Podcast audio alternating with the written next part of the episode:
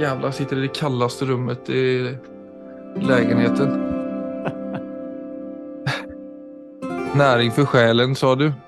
Det kanske inte är det. Vara kall om fötterna när man ska sätta igång med podden. Ja, altså jeg har sittet og sett litt på Platons verker, og i teksten Protagoras så får Sokrates spørsmålet Men hva er det som gir sjelen næring, Sokrates? Og det tenker jeg er et veldig relevant spørsmål også i dag, selv om Mm. denne teksten er 2500 år gammel. Og det Sokrates går, eh, går inn på, det er at han sammenligner med mat. Altså hvordan vi Altså dette med når vi spiser, altså hva er det som er Rett og slett hva er det som er sunt, og hva er det som er usunt? Mm.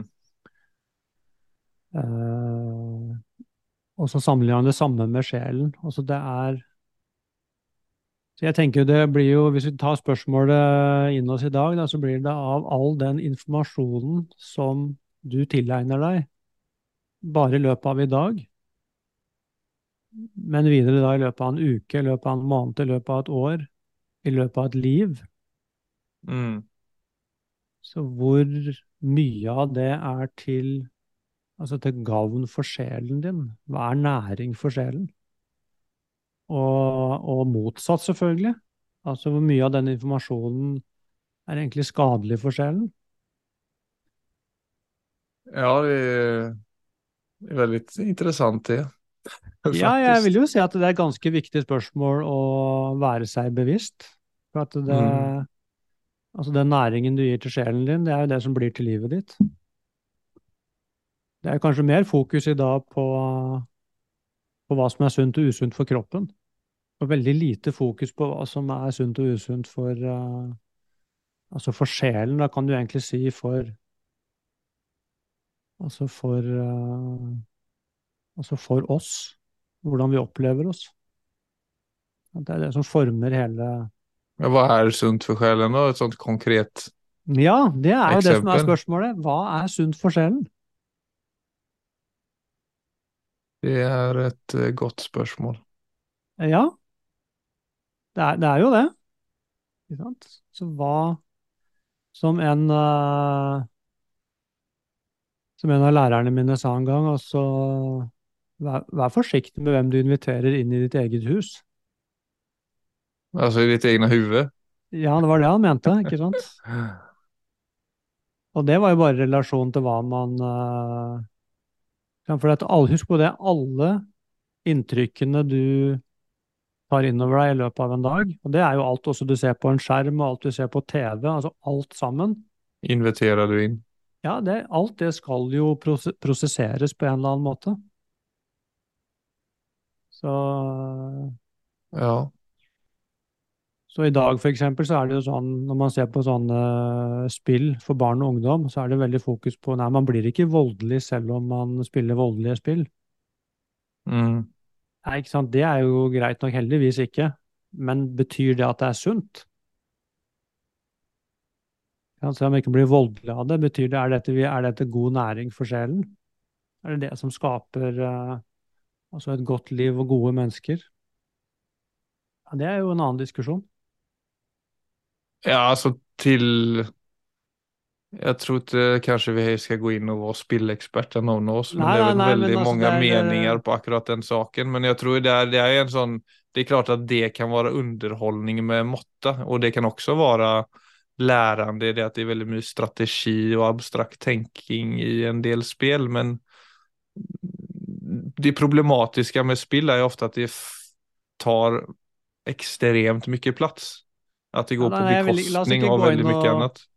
La oss ikke gå inn og diskutere spill, det var ikke dit jeg ville ta det. Det var egentlig bare på altså løfte refleksjonen. Ikke til eh, Ja, mer til å se altså hva Ja men det er det jeg tenker bare sånn løfte reflektion for det er det, og det er det vi ønsker med vår podd. Men det er det jeg bare tenker, å skapa det lilla utrymmet i ditt liv som gjør at du kan løfte det spørsmålet. Bare det är ju liksom någonting man ska man må starta med. För Ja. jag försökte bara tänka på mig själv, liksom, det är vissa dagar där jag fyller dagen med absolut någonting hela tiden. Mm. Som gjør at jeg ikke helt får syn på det spørsmålet en gang.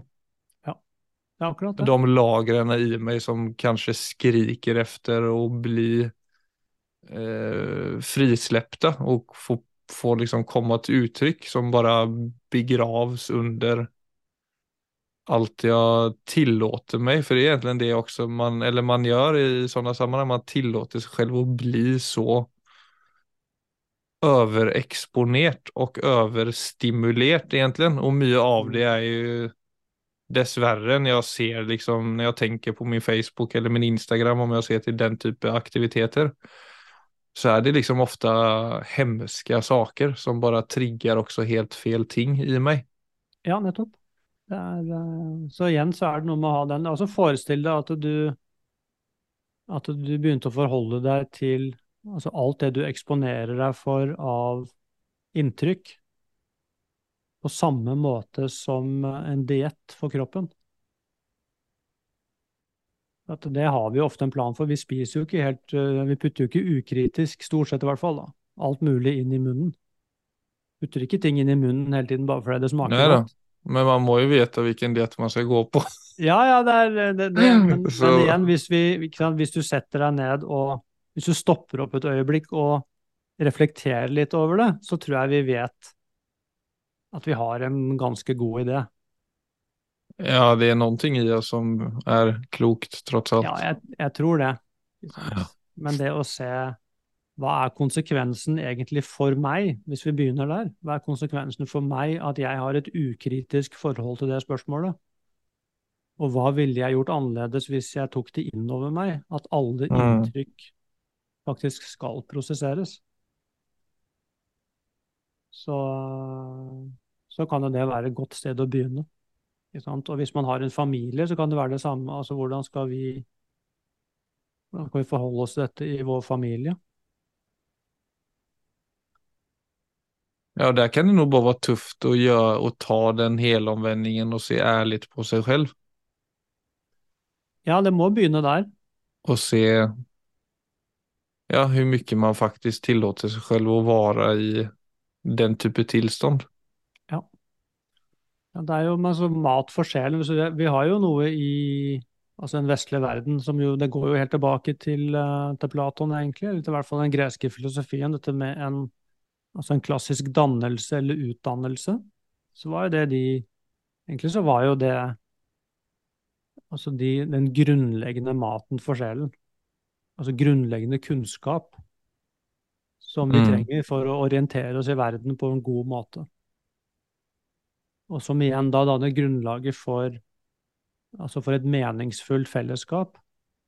Og ikke minst for å kunne altså opprettholde en meningsfull diskurs i et samfunn. For det er klart, altså vi må jo ha, må ha felles referanser for å kunne ha en meningsfull dialog. Og hvis ikke vi får til det, så, så er jo f.eks. Eh, altså demokrati blir jo en umulighet. Og, og det er jo kanskje også en av de største truslene for, eh, for demokrati og egentlig også verdensfred i dag. Det er jo nettopp det at vi vet Mm. ikke lenger hva som er sant og hva som ikke er sant. Fordi at uh, all mulig informasjon altså ligger bare der ute og er tilgjengelig for alle. Så plutselig så går vi rundt med helt forskjellige narrativer på hva som faktisk skjer, hva som er sant, hva man kan stole på. Og så får vi da Mm. det som er, og da får vi jo egentlig skinndiskusjoner. Vi får ikke virkelige diskusjoner. For at vi snakker ikke om den samme tingen, så det blir bare ord som eh, ja, som blir slengt mot hverandre, men som egentlig ikke har noe mening.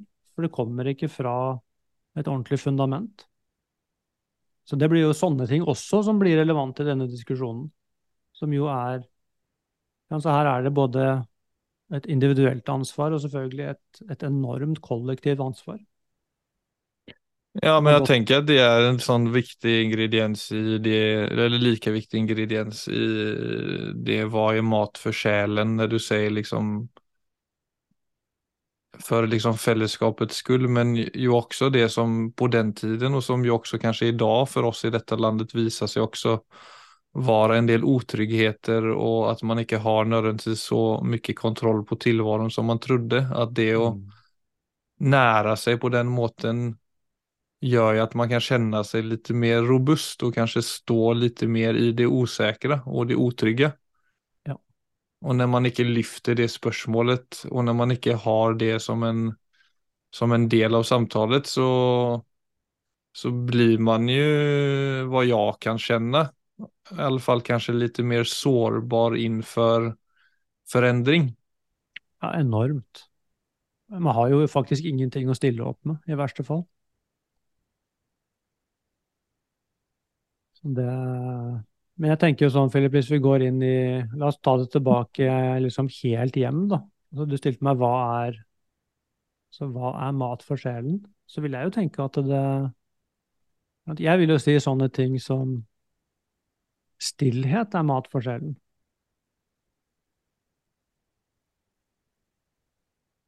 Ja, for der etablerer du et forhold til deg selv, vil jeg på å si. Ja, Men ja, eh, ja, du gjør jo det. nettopp. Og det å være med seg selv på ulike, altså i olika sinstämningar, i olika tankelägen og bekanta seg med det, hvor viktig det er. Ja, Og det å Altså det å gå ut og bare være i noe som ikke er menneskeskapt. Det å være i naturen, det er matforskjellen. for der får jeg kontakt med noe som er virkelig. Noe som ikke prøver å overbevise meg om et narrativ. Prøver ikke selge meg noen ting. Så hvis jeg Mm. blander da Hvis jeg blander stillhet med egentlig bare det å se et tre, så, så vil jeg kalle det mat for eksempel. Sammen selvfølgelig med en haug andre ting. Men det er noe med å se at alle disse tingene gjør noe med oss. Ja, men det er liksom lite aktiviteter som gjør at man slipper taget lite om seg selv. Altså, jag, det er det litt med naturen, at du blir litt mindre i møte med naturen på en god måte. Ja, absolutt. Jeg Og det å meg selv i perspektiv. Ja, for det, det, det, det tror jeg jo er en stor ingrediens. Altså, i, i det å være selvopptatt, så blir man også veldig sårbar. Mm. Det å være veldig selvfokusert og ja, det er liksom mindre plass til meg og mer plass til andre følelsen jeg er ute efter. Ja. Ikke sant? Som selvfølgelig igjen er matforskjellen. for jeg kjenner det, det der, den der frykten for forandring eller frykten for at noe skal gå galt, det er jo ofte at man holder seg selv i handen litt for hardt. Altså man ikke klarer av å slippe sin egen høytidelighet, nesten. Ja, men liksom, la oss gå, hvis vi går til, eh, til utgangspunktet for det, da. Ikke sant? Du kan si det er klart, frykt det gir jo veldig god grobunn for å bli selvsentrert. Altså, det er veldig vanskelig for meg å, å tenke på andre hvis jeg går rundt i frykt selv. Så, Mm. så hvor kommer egentlig da Altså, hvor kommer all denne frykten fra? Så igjen, se hvor mye Altså hvor mye informasjon og inntrykk er det jeg tar, tar inn over meg hver dag som handler om frykt. Det kan jo også være en god ting å begynne å reflektere over. Nå vet jeg ikke hvor mye Men igjen, det er jo bare, hvis du tar opp en avis, så er jo mesteparten av det som står der, fryktrelatert. Så, så hvilket perspektiv får jeg på verden, egentlig, gjennom, eh, gjennom media? Er det et er det, god, er det god føde for sjelen jeg får derfra? Hvis man tar et fugleperspektiv på det, så vil jeg personlig si absolutt ikke. Ikke? Dette er jo laget for frykt, Mm. fordi frykten holder oss der. Så, så alt dette er jo krefter som ikke nødvendigvis er opptatt av vårt ve og vel. ikke opptatt av å spre altså saklig, god informasjon. Du kan tenke deg, tenk, hvis, tenk, altså Bare tenk deg det, for det, det, er jo de verdiene som, som egentlig skal ligge der. Sant? Media skal jo egentlig være der for å distribuere næring til sjelen. Den skal gi oss saklig, god kunnskap som legger grunnlag for en samfunnsdiskurs. Så det er jo det vi egentlig forventer av disse, disse aktørene. Men sånn er det jo ikke. Mm. Det har kanskje aldri vært sånn, men nå er det jo verre enn noen gang. For nå er det Det er blitt så utrolig mange medier. Så egentlig hvis man, Det er veldig interessant å ta utgangspunkt i det spørsmålet, for da får man trukket det helt ned.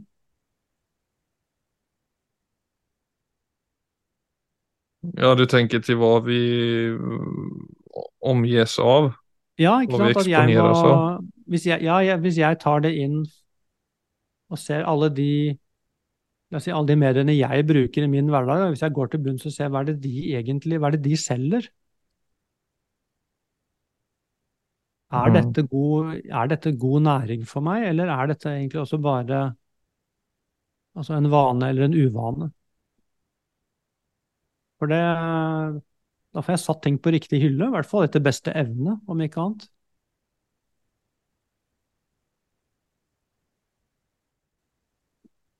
Så det å Altså igjen, da, dette med med næring til sjelen, altså er vel i dag altså dette med skjelneevne, dette med å kunne skille altså hva som er god og dårlig informasjon, hva jeg kan stole på og ikke stole på, det må jo være en av de viktigste Eh, ferdighetene for, eh, for mennesket i dag. For oss akkurat nå, og selvfølgelig også for de, de, som vokser opp nå, så blir jo det Altså hvis man i løpet av sin dannelse egentlig bare lærer seg det, hva, hva er god og dårlig informasjon, så har man oppnådd ganske mm. mye. Hva kan jeg stole på, hva kan jeg ikke stole på? Så det å få et reflektert forhold til alt det som, uh, som kommer inn på netthinnen min. Ja, det er nesten rart at man ikke snakker mer om det. Når jeg tenker ja, det... efter. For det er sånn, det er sånn ja, ro for seg, det er jo sånn Om man også liksom bare tar det helt ned, så er det jo, no, så, så er det jo grunnleggende sett om å stå stødig i seg selv. Og da tenker jeg på det du sier, som er hva man eksponeres av, og hva man til, egentlig hva man liksom da inviterer inn til sitt egne huvud, sitt egne hem. Mm. Men også så er det jo det der med at jeg tror man lever i en tid der det er veldig, der man er veldig sånn, man er ganske lettkrenkt. Altså man er ganske redd for hva andre skal tykke og tenke om en. Ja, det er veldig interessant det der med det Altså den der eh, Altså det å bli krenket, da. Som er jo blitt en sånn et begrep i dag, egentlig. Og hvor uh, altså det å krenke noen også er uh, Og det er jo lett å være enig i. Selvfølgelig skal vi ikke gå rundt og krenke hverandre. Altså det er jo en, på en måte burde være en opplagt ting. Ja, men hva er en krenkning og hva er ikke en krenkning? Jeg føler kanskje at den der siden i oss som er litt sånn usikker og utrygg, er såpass latent og aktiv at det fort drar åt det holdet helt i onödan när det egentlig kanskje bare kunne vært en konstruktiv, et konstruktivt samtale mellom to mennesker som vågade seg ærlig på hverandre og ville hverandre egentlig best. Eh, ja, ja, absolutt, og det, det, er akkurat det. Og så blir det, det Det er jo ikke en sånn ting Altså Selvfølgelig skal vi ikke krenke hverandre, men samtidig så kan du også si, hvis vi da går til eh, stoikeren igjen, da, som vi har snakket en del om, så er det et utrolig interessant poeng hvor, som de kommer med, og det er jo egentlig altså en, en, altså en virkelig stoiker kan ikke bli krenket.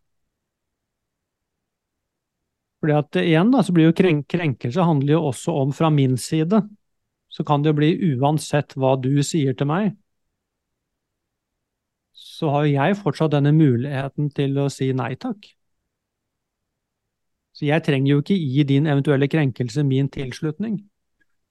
Så den delen av den diskusjonen har blitt borte for oss.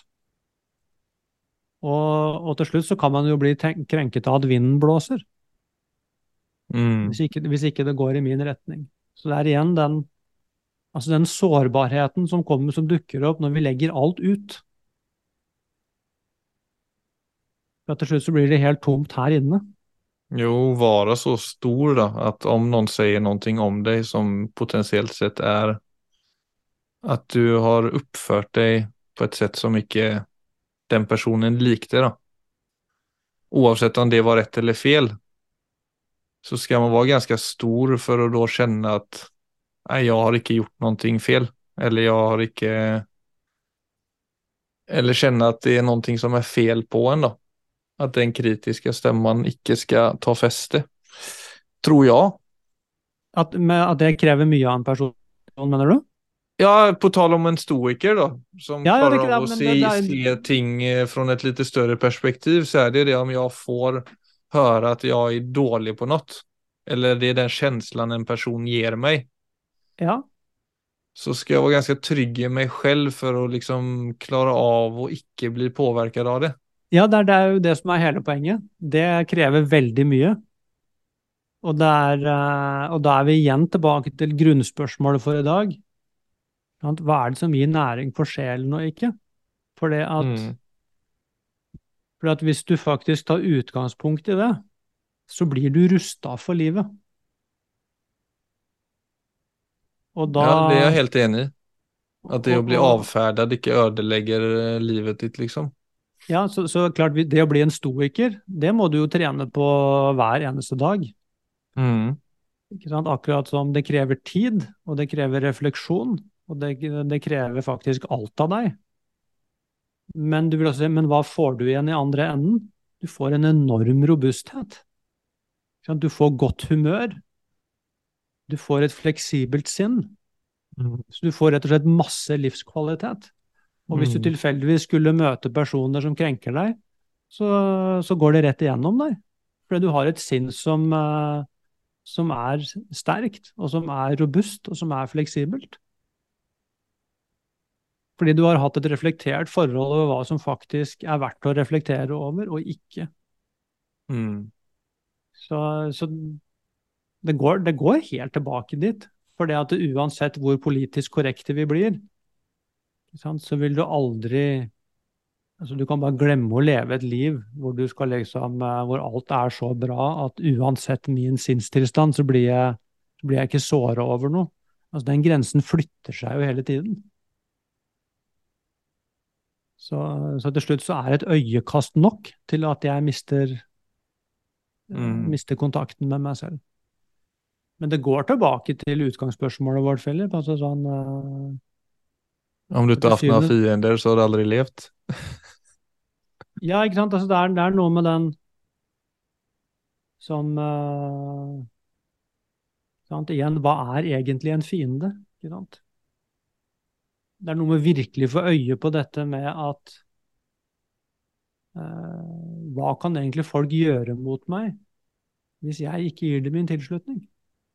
Det kan man jo si ja, ja, i prinsippet, men, altså det, men virkelig ta det på alvor og se den, altså hvilken mulighet for eh, mot og styrke, integritet, robusthet, motstandskraft ligger det i menneskenaturen? Mm. Og hvordan benytter vi oss av de mulighetene? For jeg vil si det er akkurat det samme. Vi bruker stort sett mye tid på å trene kroppen. Mm. Vi har et bevisst forhold til mat, altså stort sett, men vi har fortsatt nesten ingen bevissthet på hvordan vi bruker sinnene våre. Altså på hva vi, hva vi bruker tid på, altså rent mentalt. Mm. Og, på se, og hva gjør det med meg? Det er klart, hvis jeg sitter hvis jeg sitter fire til åtte timer hver dag på en skjerm, og egentlig bare konsumerer junkfood, så blir sjelen min, eller sinnet mitt, det blir i Mm. samme tilstand som kroppen blir, hvis jeg sitter og spiser junkfood eh, fire til åtte timer hver dag. Altså det, er to, det blir et totalt forfall. Mm. Så, så vi tenker kanskje ikke på det som så alvorlig, for det, det, det regnes jo i dag for normalt.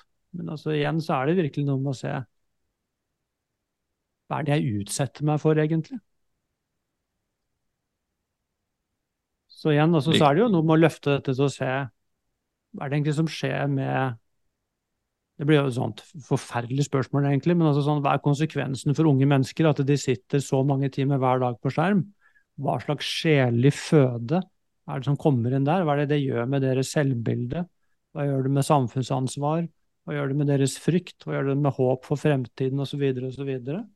Og virkelig bare stoppe der, ikke se på det Nei, nei, men det får jo tiden men, utvise.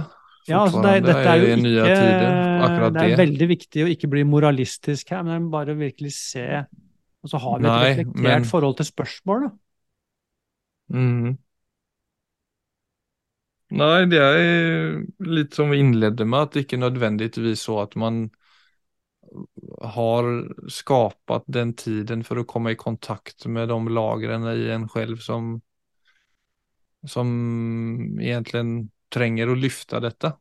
Men ja. det er derfor man må egentlig klare av å se ærlig på seg selv der. Og det går jo litt igjen egentlig hand, det går jo litt hand i hand med det vi snakket om prestasjon også, for når så mye av vårt selvvärde ligger i vår prestasjon, og vi da potensielt sett blir avfärdade hvis vi ikke får en jobb vi ønsker eller så, mm. så er det også igjen der med at själv, då går det rett på självkänslan og man selv er misslyckad.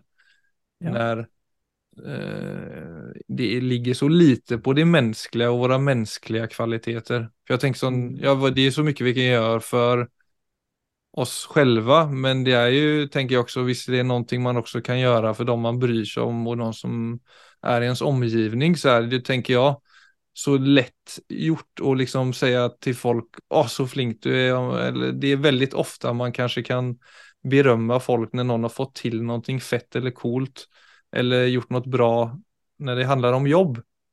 Men det er ikke nødvendigvis så at folk er så gode på å prise folks menneskelige kvaliteter.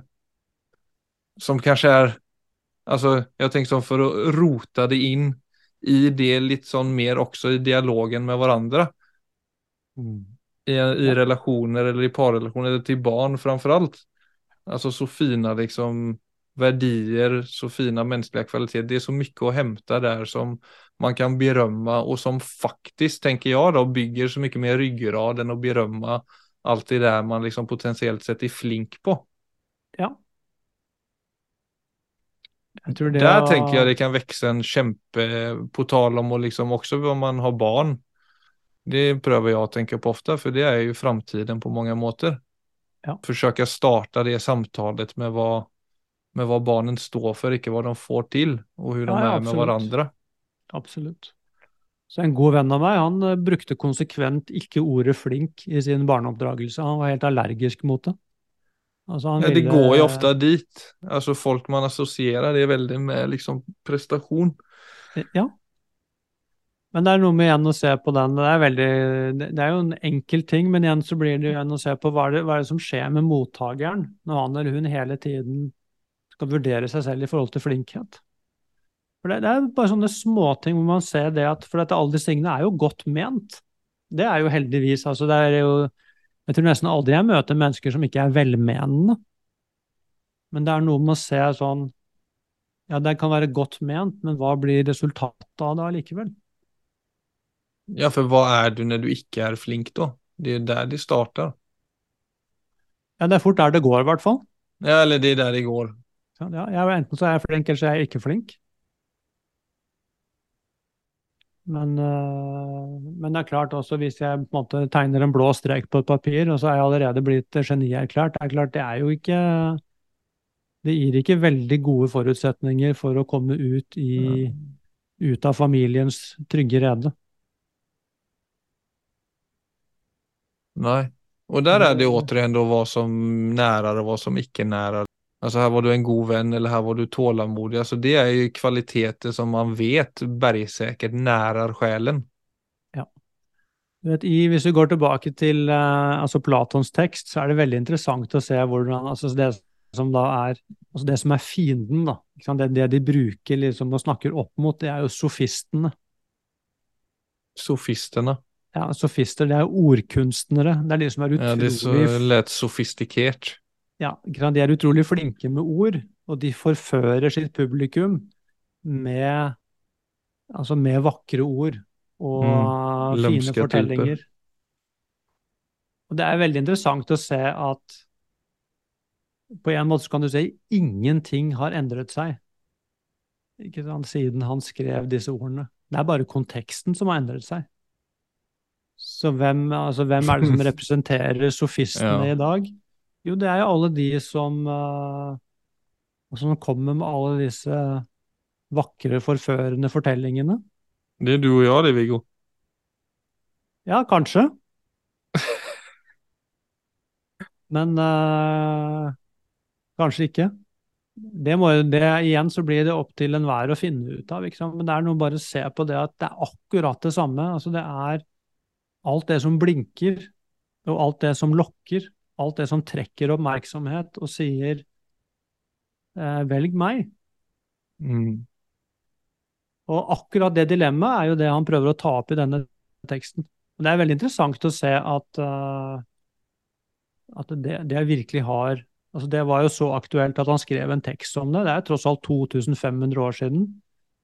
Altså i en tid hvor uh, Ja, det er morsomt å tenke på. Ja, faktisk, altså. Og det kan jo også være litt sånn litt fint å se det at eh, vi tenker at vår egen tid er så unik, at vi har helt sånn spesielle problemer. Det var ikke noe skjermtid på Platons tid, men det grunnleggende spørsmålet hva er god og dårlig næring for, altså for meg som et menneske? Ikke for kroppen min, ja, men for meg som et menneske. Det var like sentralt den gang som nå. Og Det syns jeg, jeg, er veldig ålreit. Altså sånn, da kan man også se det at dette er et tidløst spørsmål.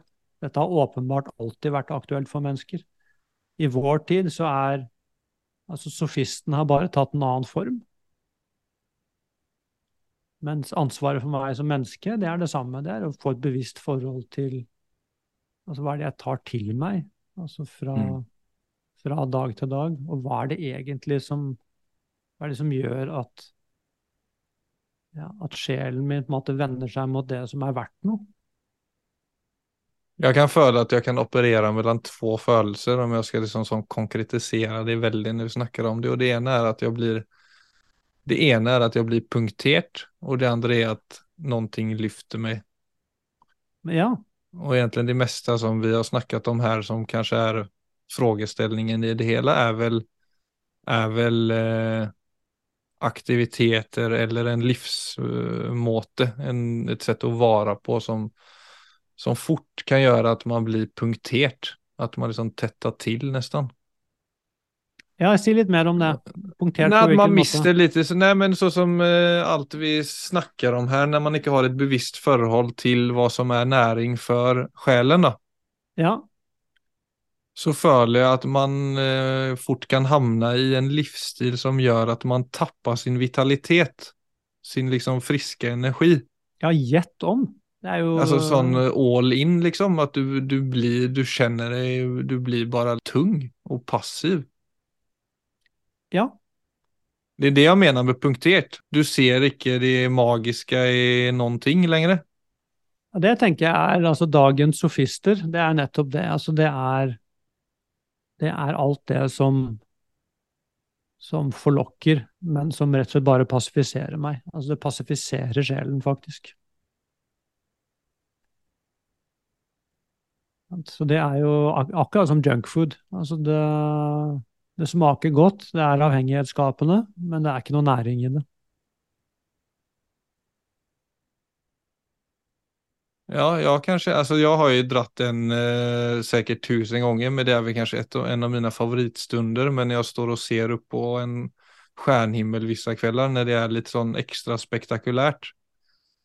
Så kan jeg liksom kjenne i møte med det en sånn der at sjelen skriker. Det var sånn så Alltså break free from prison.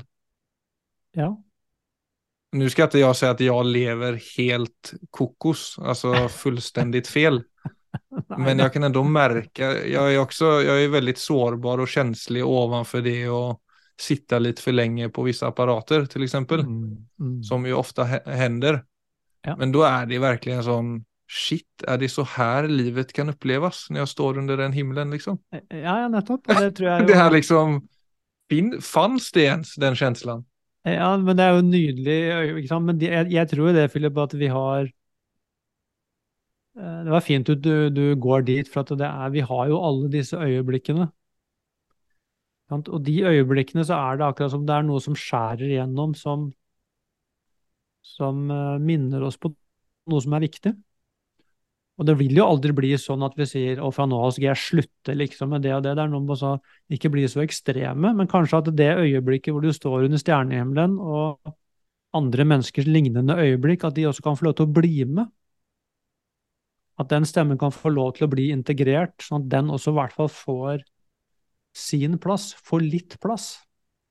Det kan være et godt sted å begynne. At ikke det bare blir mm den, den, stemmen kan faktisk få innpass i livet mitt, eller den følelsen som du egentlig er. Det er en dyp følelse som uh, Og igjen, da, hvis vi skal begynne å reflektere, hvis, hvis dette også skal få innpass, altså hva da? For det er der refleksjonen begynner. Da kan, da kan, det, da kan mm. det sette i gang. Og så kan den sakte, men sikkert få lov til å bli med. Så trenger, Det trenger ikke bli så ekstremt, det greiene her, men det er noe med allikevel få hodet over vannet og begynne bare å sånn Hvordan skal jeg forholde meg til alt dette, egentlig? Hva er det som er god næring for meg? Altså, det er et stille Et stille spørsmål. Og alt vi trenger å gjøre, er bare at det kan lov til å bli med inn. Og så kan konsekvensen av det, den kan være et lite skritt om gangen. Mm. Ja, det er noen mønster og vaner jeg skal mm. få parere. Ja, det er akkurat det. Som selvfølgelig har stor kraft. Ja, for det er noe sånn som når jeg har stått der inne, og så Nå bor vi også hos svigermor for at vi holder på å pusse opp leiligheten, og da er det enda mer mønster inn i bilden. For at det er alle, det er flere enn bare vår families vaner å forholde seg til. Som ikke er noe negativt. Alltså det her er en veldig bra situasjon utifrån den situasjonen vi har. Men man, det er jo nye system og nytt for egentlig alle involverade i en sånn situasjon. Mm. Men der er det jo sånn, når jeg vel da går inn, så kan jeg en, ibland ha de gangene jeg har til eksempel vært ute på kvelden, da kanskje kjent på en litt mer sånn uff. At jeg kommer litt i djupere kontakt med meg selv og så bare nå skal jeg forsøke holde litt på denne känslan. Mm. Og så öppnar du døren og så går du inn og så er det precis som om, og det, nu, och det här är bara ett bilde av, ikke for å vise at noe er destruktivt, men for å vise hvor aktivt mönstren i ens liv er da. Mm. Så kommer du jo bare inn, og så sitter svigermor der, sitter Gitta barnen har precis lagt seg, det står disk på disken, bord, leker på golvet. Og så er, så er du jo der, ikke sant? Ja. Da er du, da, da det perspektivet bare sånn det var det. Og så er du inne, og så er det noen som kjenner på det, og så den som har, trenger det, og så noen som Så, så, så det er klart at livet Altså det å parere, da, återigen, og kunne bevare de små gnistene av liv som dyker opp, og få inn dem også i hverdagen og inn i alle de mønstrene. Ja. Det vil man jo så klart, og det er jo så det er, det er egentligen det enda som er viktig i, denne i dette samtalet også, for livet skjer jo ikke under en natt under en stjernehimmel. Nej. Uh, og det er vel det vi har forsøkt snakke om for så vidt i episoden. Ja, men, men jeg tror du er inne på noe kjempeviktig her. Jeg føler, altså, du, for jeg er helt enig med deg, det er egentlig det, det helt avgjørende spørsmålet. Altså den hvordan kan den, altså hvordan kan nattehimmelen, eller egentlig den følelsen som du beskriver når du står under eh, og ser på stjernene, hvordan kan den få deg til å bli med inn i hverdagen? Det mm. tenker jeg er, det er spørsmålet. Og svaret på det, det, må jo, det jo, må jo ethvert menneske faktisk finne for seg selv. Men det er spørsmålet. Mm. Ja, det var vel det jeg ville si. Ja. Men låt oss gnugge litt på den til neste uke. Ja da, den, er, den kan godt få bli med som en stille refleksjon. Ja. Nei, men det er bra. Lodd-Philip, Takk for i dag. Takk for i da.